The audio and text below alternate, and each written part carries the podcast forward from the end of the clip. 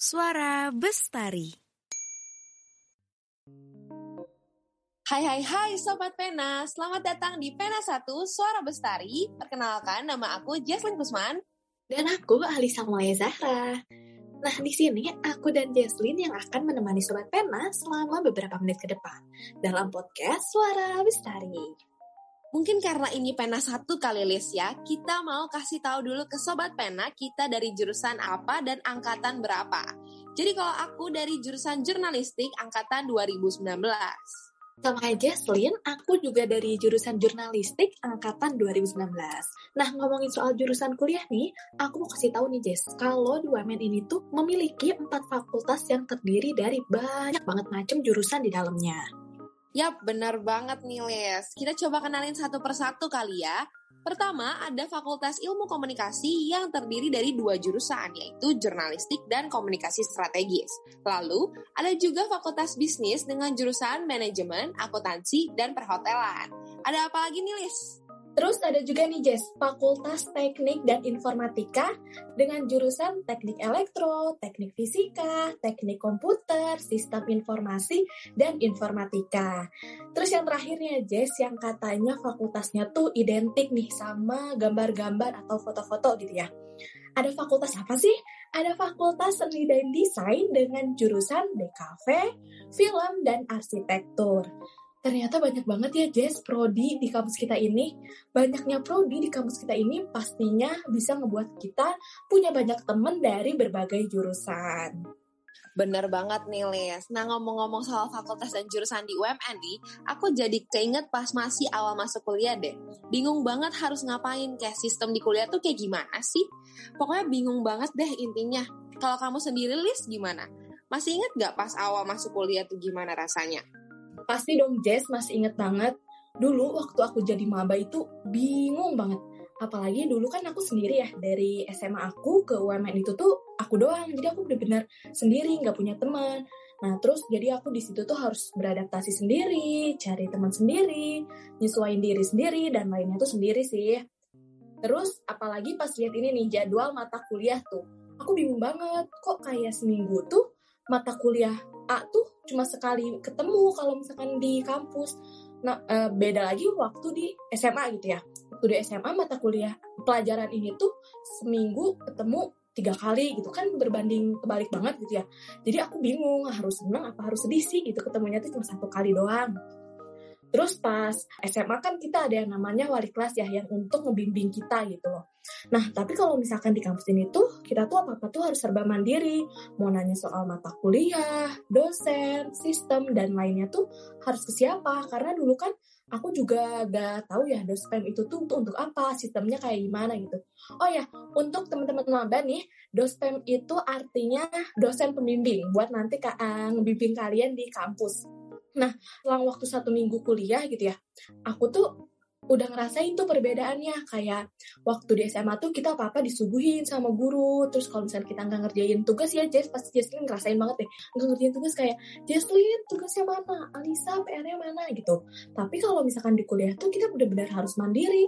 Sebenarnya seneng sih seneng campur aduk deg-degan semuanya jadi satu gitu. Maklum lah ya Jess namanya juga maba gitu sama banget nih Liz sama kayak aku. Aku juga dulu ngerasain banget apa yang kamu rasain di dunia perkuliahan.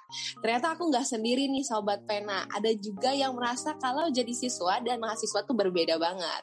Nah perbincangan kita hari ini berkaitan loh dengan topik yang akan kita bahas. Yaitu dulu siswa, sekarang mahasiswa. Benar banget sih.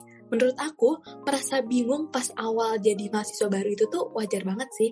Karena kita kan mahasiswa baru gitu ya. Ibaratnya tuh kita menampakkan kaki ke step yang lebih tinggi gitu ke yang lebih susah gitu dari sebelumnya. Jadi bingung dan khawatir itu sangat amat wajar sih. Nah karena ini Sobat Pena gak usah khawatir atau cemas karena topik kali ini aku dan Jesslyn akan membahas tiga hal yang harus dimiliki sebagai mahasiswa baru di Sobat Pena. Bener banget nih. Tiga hal ini yang paling pertama adalah menjadi seorang mahasiswa itu sangat dituntut untuk bertanggung jawab. Kita harus bisa menentukan apa yang kita mau lakukan dan kita juga harus bertanggung jawab sendiri nih sama apa yang kita lakukan.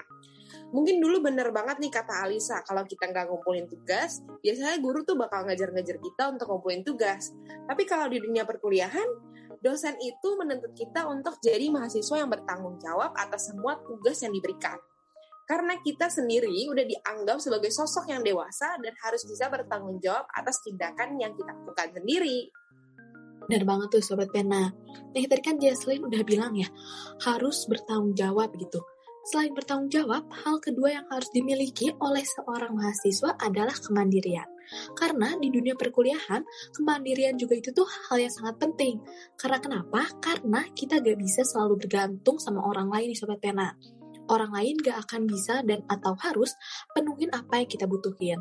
Jadi kita harus bisa mandiri dalam menentukan dan melakukan apa yang semestinya memang kita lakuin. Hal kedua ini yang Alisa tadi sempat sebutin yaitu kemandirian related banget nih sama aku Sobat Pena. Dulu pas aku masuk ke dunia perkuliahan masih bingung banget buat cari teman karena masih mahasiswa baru. Terus tiba-tiba pas aku masuk ke kelas, dosen aku tuh udah nyuruh aku untuk bikin kelompok yang isinya lima orang. Padahal dulu aku belum kenal siapa-siapa dan belum tahu sistem perkuliahan tuh seperti apa. Jadi benar-benar ya kita sebagai mahasiswa dituntut banget untuk mandiri nih Sobat Pena. Iya benar sama banget Jess aku sama kamu aku ngerasain apa yang kamu rasain sih. Pas banget juga itu pas mata kuliah fotografi.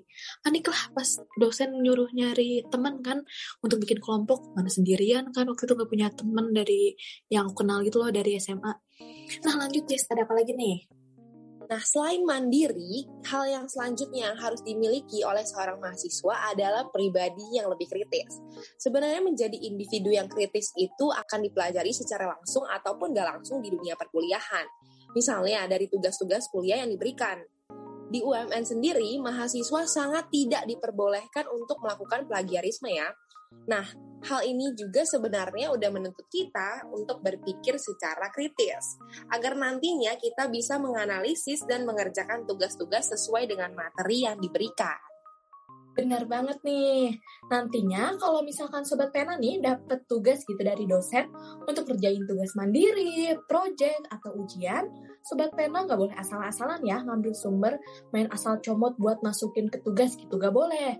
Dari hal ini, Sobat Pena juga bisa belajar untuk lebih kritis dalam mencari sumber-sumber yang lebih kredibel, supaya hasil analisis Sobat Pena bisa lebih valid. Emang sih kedengarannya rumit sama sulit gitu ya, tapi Sobat Pena nggak perlu khawatir atau merasa takut kok, karena Sobat Pena bisa belajar dan beradaptasi secara perlahan. Nah, dari tadi kan kita udah ngomongin nih tentang tiga hal yang harus dimiliki ketika menjadi seorang mahasiswa di dunia perkuliahan.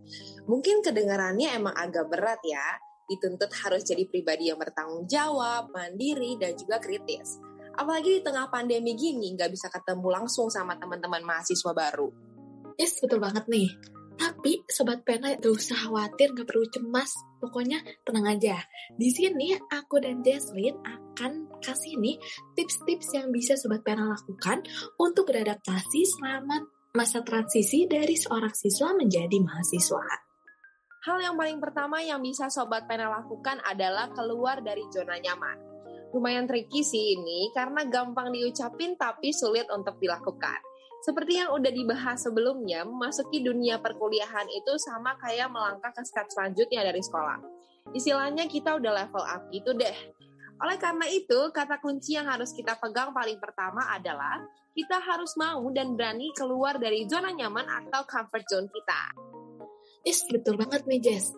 Kalau Sobat Pena udah punya kemauan dan keberanian untuk keluar dari zona nyaman, Sobat Pena bisa bereksplorasi atau mencari tahu wawasan-wawasan yang lebih baru mengenai dunia perkuliahan. Nah, salah satunya nih, kalian harus mengikuti OMB UMN. Karena Sobat Pena bisa merasakan kehidupan perkuliahan itu tuh kurang lebih tuh kayak gimana sih, nantinya tuh bakalan gimana sih gitu ya. Sobat Pena juga bisa lebih kenal dengan kampus kita, yaitu UMN. OMB juga menjadikan kesempatan bagi Sobat Pena untuk bersosialisasi dan bertemu dengan teman-teman baru loh. Jadi, Sobat Pena bisa saling berkenalan satu sama lain dan berbagi informasi mengenai dunia perkuliahan, khususnya di UMN ini. Yes, benar banget nih. Selain itu, Sobat Pena juga bisa mendapatkan wawasan baru mengenai bagaimana sih kehidupan mahasiswa di UMN melalui siniar Suara Bestari. Suara Bestari akan senantiasa membagikan hal-hal yang berkaitan dengan kehidupan perkuliahan di UMN dan tentunya memperkenalkan UMN kepada Sobat Pena sekalian supaya nantinya Sobat Pena bisa semakin siap menghadapi perkuliahan dan siap menjadi mahasiswa Universitas Multimedia Nusantara. Bener banget nih.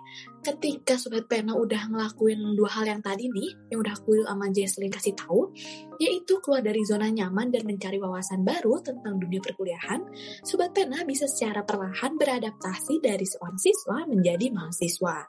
Dengan kemauan dan keberanian yang Sobat Pena miliki, ditambah lagi nih dengan pengetahuan yang Sobat Pena sudah peroleh gitu.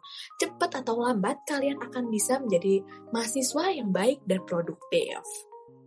Sobat Pena memasuki dunia perkuliahan pasti rasanya campur aduk banget ya. Senang karena akhirnya bisa ada di level selanjutnya dari sekolah, tapi juga ada kekhawatiran mengenai dunia perkuliahan karena kita pastinya masih asing. Semoga hal-hal yang udah aku dan Alisa bagikan sebelumnya bisa bermanfaat ya bagi Sobat Pena semua. Bener banget, Jess. Semoga tips yang udah tadi kita kasih nih untuk Sobat Pena, yaitu berani keluar dari zona nyaman dan mencari wawasan baru tentang dunia perkuliahan, bisa jadi inspirasi untuk Sobat Pena terapkan dalam menempuh kehidupan sebagai mahasiswa baru di UMN. Jadi, ketika Sobat Pena udah rapin nih kedua hal yang tadi aku sama Jason kasih tahu, Sobat Pena bisa mulai beradaptasi secara perlahan untuk menjadi seorang mahasiswa yang lebih bertanggung jawab, mandiri, dan kritis dalam menjalani dunia perkuliahan. Nah, ngomong-ngomong tentang adaptasi di dunia perkuliahan nih, seperti yang udah aku sampaikan, Pena Suara Bestari juga akan membawakan topik-topik menarik lainnya seputar dunia perkuliahan, khususnya di UMN. Jadi jangan sampai ketinggalan ya Pena Suara Bestari selanjutnya, setiap hari Sabtu jam 5 sore. Terakhir nih Jess, aku mau ingetin untuk selalu simak informasi tentang OMB UMN 2021 di akun-akun resmi kita ya. Ada Instagram, Twitter, dan lain OA kita di @ombumn. Terus juga ada Facebook kita nih, OMB UMN. Dan yang terakhir, jangan lupa untuk selalu cek website resmi kita di omb.umn.ac.id. Aku Jaslyn Kusman. Dan aku Alisa Mulia Zahra, pamit undur suara. Sampai jumpa di panel suara bestari selanjutnya. OMB UMN 2021. Bergerak adaptif, bertindak inovatif. Suara Bestari